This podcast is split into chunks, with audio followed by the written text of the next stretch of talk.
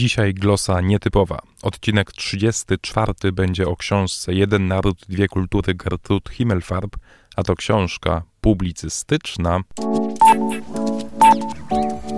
Glosa. Podcast o nowych książkach. www.glosa.info Paweł Adam Piotrowicz, zapraszam. Dzisiaj chcę pomówić o książce, która do białości rozgrzewa dyskusję między liberałami a konserwatystami w USA. To książka matki chrzestnej amerykańskiego neokonserwatyzmu, Gertrude Himmelfarb Jeden naród, dwie kultury.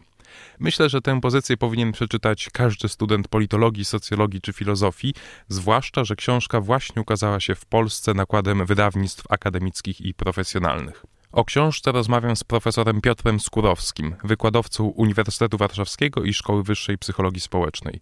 Zapytałem go, na czym mają polegać te dwie kultury, które zdaniem Himmelfarb walczą ze sobą w jednym amerykańskim narodzie. Więc oczywiście wszystko jest dyskusyjne, wszystko jest kwestią spojrzenia. Ta debata, czy powiedzmy sobie e, stwierdzenia na temat e, dwóch kultur, czy zwalczających się kultur, no, są na pewno przesadzone. Można powiedzieć, że jest chyba w ogóle ta tendencja do posługiwania się tym pojęciem wojna kultur, czy dwóch kultur, na ogół E, jest jakby oznaką, że osoba, która się posługuje tym pojęciem, raczej ma poglądy e, konserwatywne, raczej ma e, poglądy prawicowe.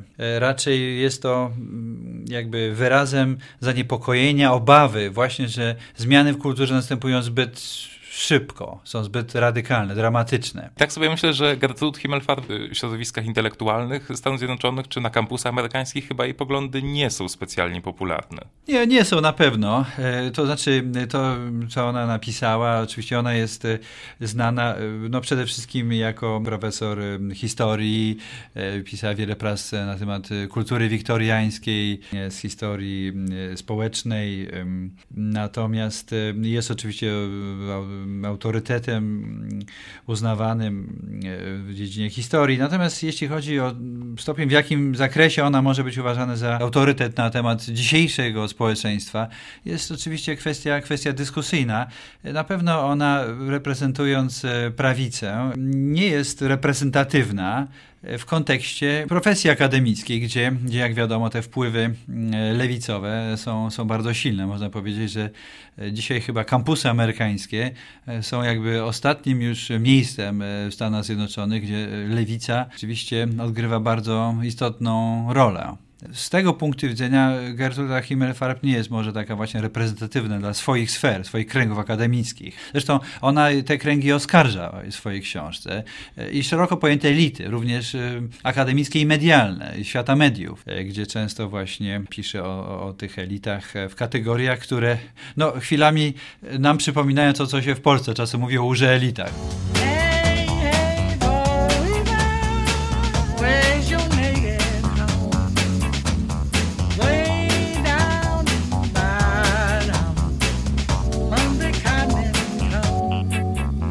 Autorka książki bardzo wyraziście reprezentuje stronę konserwatywną, podaje również wiele argumentów na rzecz swoich tez. Spytałem pana profesora, czy można znaleźć jakieś kontrargumenty, które nie potwierdzałyby tez stawianych przez Gertrud Himmelfarb. Znaczy, kontrargumentów może być dużo oczywiście. Jak już powiedziałem, jej obawy dotyczące rzekomej degrengolady mającej miejsce w Stanach Zjednoczonych, no łatwo można oczywiście kwestionować jako e, chwilami może nawet lekko histeryczne.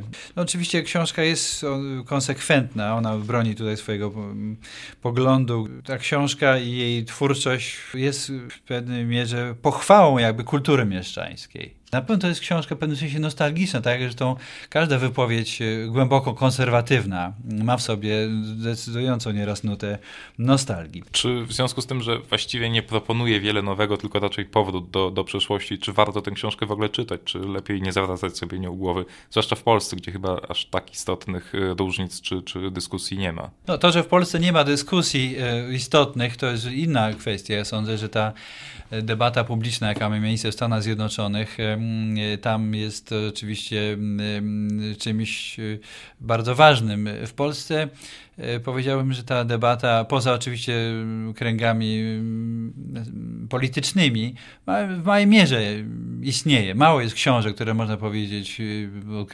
odgrywają czy odgrały jakąś rolę w debacie publicznej. W ogóle do jakiego stopnia debata publiczna w Polsce ma miejsce. To jest, może ja bym był tutaj raczej dość pesymistyczny. Na pewno, na pewno potrzebujemy takich książek, tak samo jak Amerykanie potrzebują takich książek jak Gertrude Himmelfarb, które mają zdecydowany punkt widzenia i powodują właśnie, wywołują tą, tą debatę.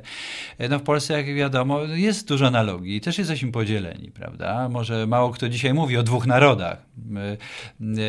Nie jest to w taki sposób przedstawiane, ale mamy w sumie do czynienia z bardzo podobną sytuacją. No, tak zresztą jak Gertruda Himmelfarb, zaczynając swoją książkę, rozpoczyna od cytatu e, z Adama Smyca, e, który pisał, że w każdym społeczeństwie istnieją konserwatyści i liberałowie. E, oczywiście puentą jej książki jest to, że ci liberałowie, którzy na ogół stanowili klasy wyższe, nie dominowali społeczeństwie w sensie liczebno, liczebnym. Ten ferment e, natomiast dzisiaj jakby wyszedł poza te klasy wyższe, poza, poza intelektualistów e, i stał się udziałem e, szerokich mas, mas. I tu zaczyna się niebezpieczeństwo z punktu widzenia Gertrudy Himmelfarb. Czy to, o czym pisze Gertrud Himmelfarb, a o czym rozmawiałem z profesorem Piotrem Skórowskim, może być niebezpieczeństwem w Polsce? Czy to w ogóle jest niebezpieczeństwem w Stanach Zjednoczonych? Czy można jej tezy przełożyć na nasz grunt? Na te wszystkie bardzo ciekawe pytania odpowiedzieć można tylko czytając tę książkę. Oczywiście to nie jest książka do poduszki, ale to nie jest też ciężka książka naukowa. To jest napisana z pazurem publicystyka, którą bardzo polecam. Gertrud Himmelfarb, Jeden Naród, Dwie Kultury, wydane przez wydawnictwa akademickie i profesjonalne. Zapraszam do komentowania na stronie www.glossa.info. Być może te tematy, takie polityczne, społeczne, trochę Was pobudziły do zastanowienia się nad sytuacją w Polsce albo na świecie. Polecam przeczytać tę książkę, może nawet zanim napiszecie komentarz. Ale jeżeli macie jakiś sensowny komentarz do napisania już teraz, po wysłuchaniu rozmowy z panem profesorem i po moim krótkim komentarzu na temat tej książki, to zapraszam www.glossa.info. Do usłyszenia w następnym odcinku.